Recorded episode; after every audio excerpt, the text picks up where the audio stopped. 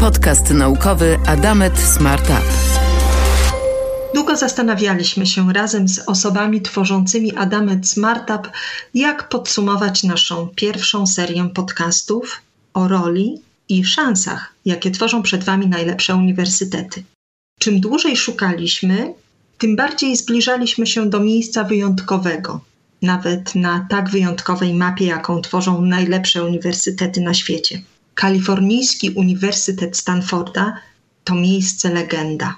Absolwenci tej uczelni założyli takie firmy jak Hewlett Packard, Electronic Arts, Sun Microsystems, Nvidia, Yahoo, Cisco Systems, Google czy Nike. To w końcu tutaj, w tym kampusie, w 2005 roku twórca Apple Steve Jobs wygłosił swoje słynne przemówienie, które tak świetnie zdefiniowało sens życiowych wyborów dla młodych ludzi na całym świecie. Jestem przekonany, że jedyną rzeczą, która dawała mi siłę, by iść ciągle naprzód, było to, że kocham to, co robię. Praca wypełni dużą część waszego życia, zatem jedyną możliwością, by być w pełni usatysfakcjonowanym, jest dobrze pracować. Jedynym sposobem, by dobrze pracować, jest robienie tego, co uważacie za wspaniałe zajęcie. Jeżeli jeszcze tego nie znaleźliście, szukajcie dalej. Nie spoczywajcie. Szukajcie, dopóki tego nie znajdziecie. Nie odpuszczajcie. Nasz czas jest ograniczony. Nie marnujmy go na życie cudzym życiem. Nie dajmy złapać się w dogmat, nie żyjmy zgodnie z koncepcjami innych ludzi.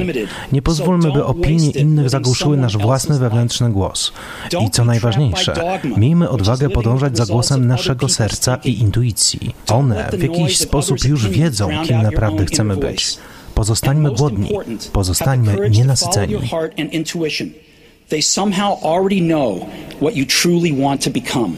Steve Jobs rozumiał, że prawdziwa siła komputerów to nie ich procesory i kości pamięci, ale umiejętność uwolnienia kreatywności użytkowników.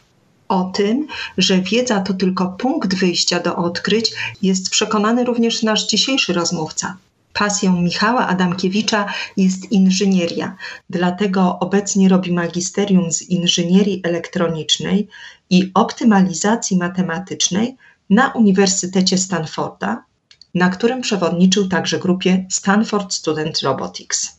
Zanim jednak wyjechał na studia do Stanów Zjednoczonych, Michał od najmłodszych lat uczestniczył w wakacyjnych kursach organizowanych przez prestiżowe ośrodki edukacyjne, takie jak na przykład Johns Hopkins Center for Talented Youth, dzięki udziałowi w tych projektach, wpadł na pomysł realizacji podobnego programu w Polsce. W ten sposób powstał dobrze Wam znany już Adamet Smartup, do udziału w którym tak mocno zachęcamy w naszych podcastach.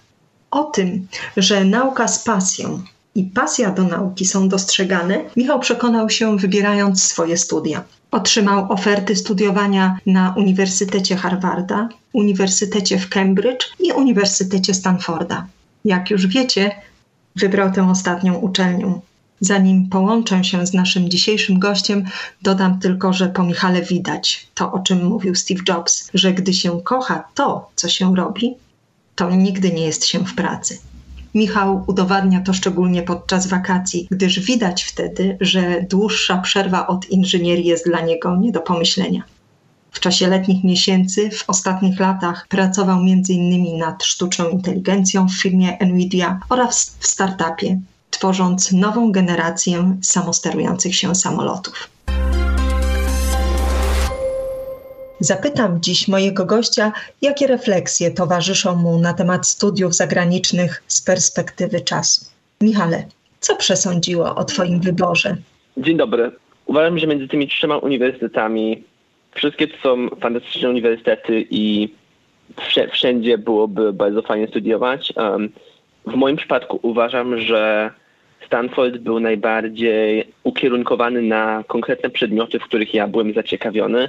Są to optymalizacja matematyczna, mechatronika, projektowanie rzeczy typu procesory. I mi się wydaje, że w moim przypadku był to konkretny wybór na jakie departamenty, jacy profesorowie są na tych uniwersytetach i jakie specjalizacje mają. A powiedz, przewodniczyłeś grupie Stanford Student Robotics. Czym zajmowała się wasza grupa? Jakie najciekawsze projekty realizowaliście? Sposób, w który ja lubię myśleć o takich grupach, to jest jak po prostu laboratorium badawcze prowadzone przez studentów.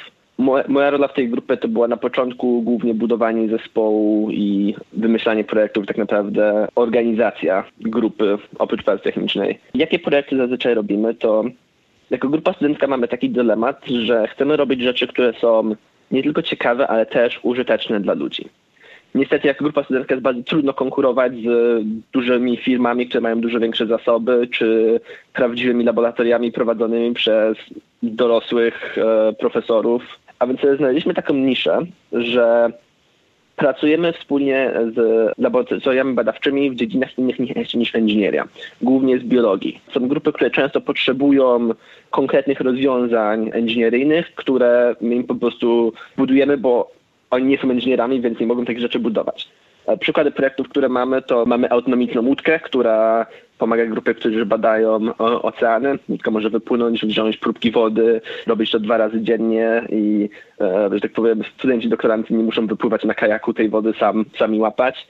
Mamy też małą robotyczną żabę, którą e, biolodzy używają do badania interakcji między żabami, czy też mamy projekt, gdzie mamy napisany algorytm sztucznej inteligencji, który jest podłączony do sieci mikrofonów w różnych lasach i na podstawie dźwięków jest w stanie oceniać biodywersyfikację ptaków, e, które zamieszkują ten las.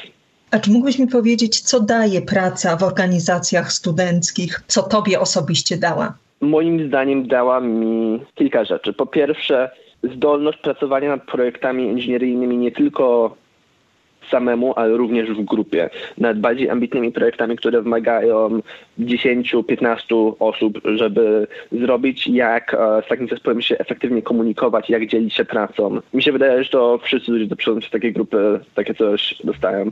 Dodatkowo mi biorąc pod uwagę, że ja byłem dołączyłem do grupy, jak grupa była bardzo mała i tak naprawdę musiałem zna znaleźć dużo ludzi, namówić ludzi, że to jest grupa, do której powinni dołączyć i wymyślić, jak to wszystko zorganizować. I mi osobiście też dała dużo, nauczyła mnie dużo organizacji, organizacji ludzi, prowadzenia zespołu. No właśnie, to zapytam też szerzej, czy takie grupy są popularne na Twojej uczelni? Jaka jest ich rola w organizacji zajęć? Czy w Twojej opinii są to bardziej spotkania pasjonatów, czy też działalność w takich grupach jest obowiązkowa dla studentów Stanforda?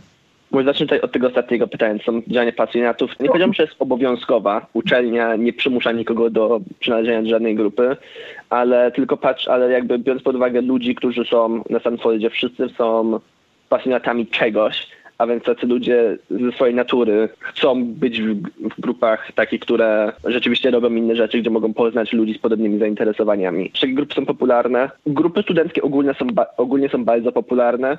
Stanford ma ich bardzo dużo z przeróżnych dziedzin. Natomiast powiem, że grupy inżynieryjne są mniej popularne na Stanfordzie niż by się wydawało. Mi się wydaje, że częściowo jest to dlatego, że dużo ludzi, dużo studentów po prostu idzie pracować w laboratorium bezpośrednio z profesorami i przez to mniej, mniejsza liczba osób ma chęć, że tak powiem, bawienie się w grupie inżynieryjnej i organizację samemu tego.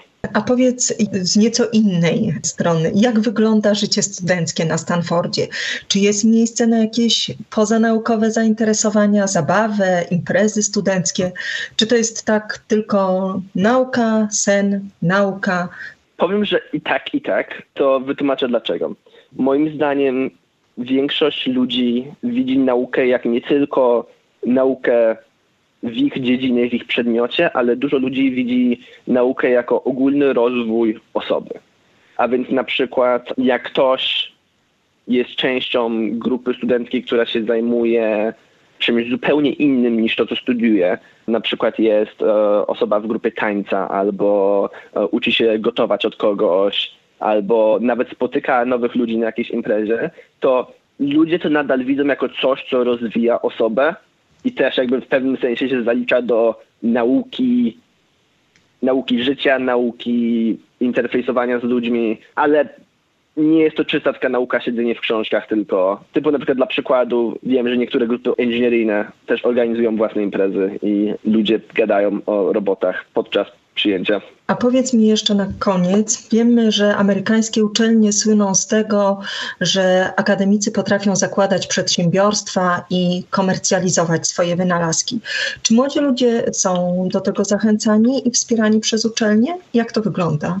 Powiedziałbym, że zdecydowanie tak. Na moim roku mam wielu znajomych, co pozakładali firmy w różnych dziedzinach, czy od projektowaniu obwodów do rozwiązywania równań różniczkowych, poprzez różne firmy zajmujące się badaniami atmosferycznymi, przez firmy, co robią sensory do różnych robotów. Tak, są wspierani przez uniwersytet, nie tylko przez uniwersytet, ale też przez poszczególnych profesorów, którzy doradzają, rekomendują różne rzeczy i z perspektywy swojego doświadczenia są w stanie połączyć na przykład studentów, którzy chcą założyć taką firmę, firmy z jakimś mentorem albo kimś, kto może dobrze im doradzić, bo zna na przykład już środowisko, do którego oni chcą dołączyć. Michale, bardzo dziękuję Ci za tę rozmowę i za udział w podcaście naukowym Adamet Smartup. Życzę Ci wielu sukcesów w realizowaniu pasji i planów naukowych. Mam też nadzieję, że nasza rozmowa stanie się dla wielu naszych słuchaczy inspiracją i przekona, e, że uczelnie zagraniczne są bliżej, aniżeli nam się wydaje. Dziękuję bardzo. Do usłyszenia. Dziękuję. Podcast naukowy Adamet Smart Up.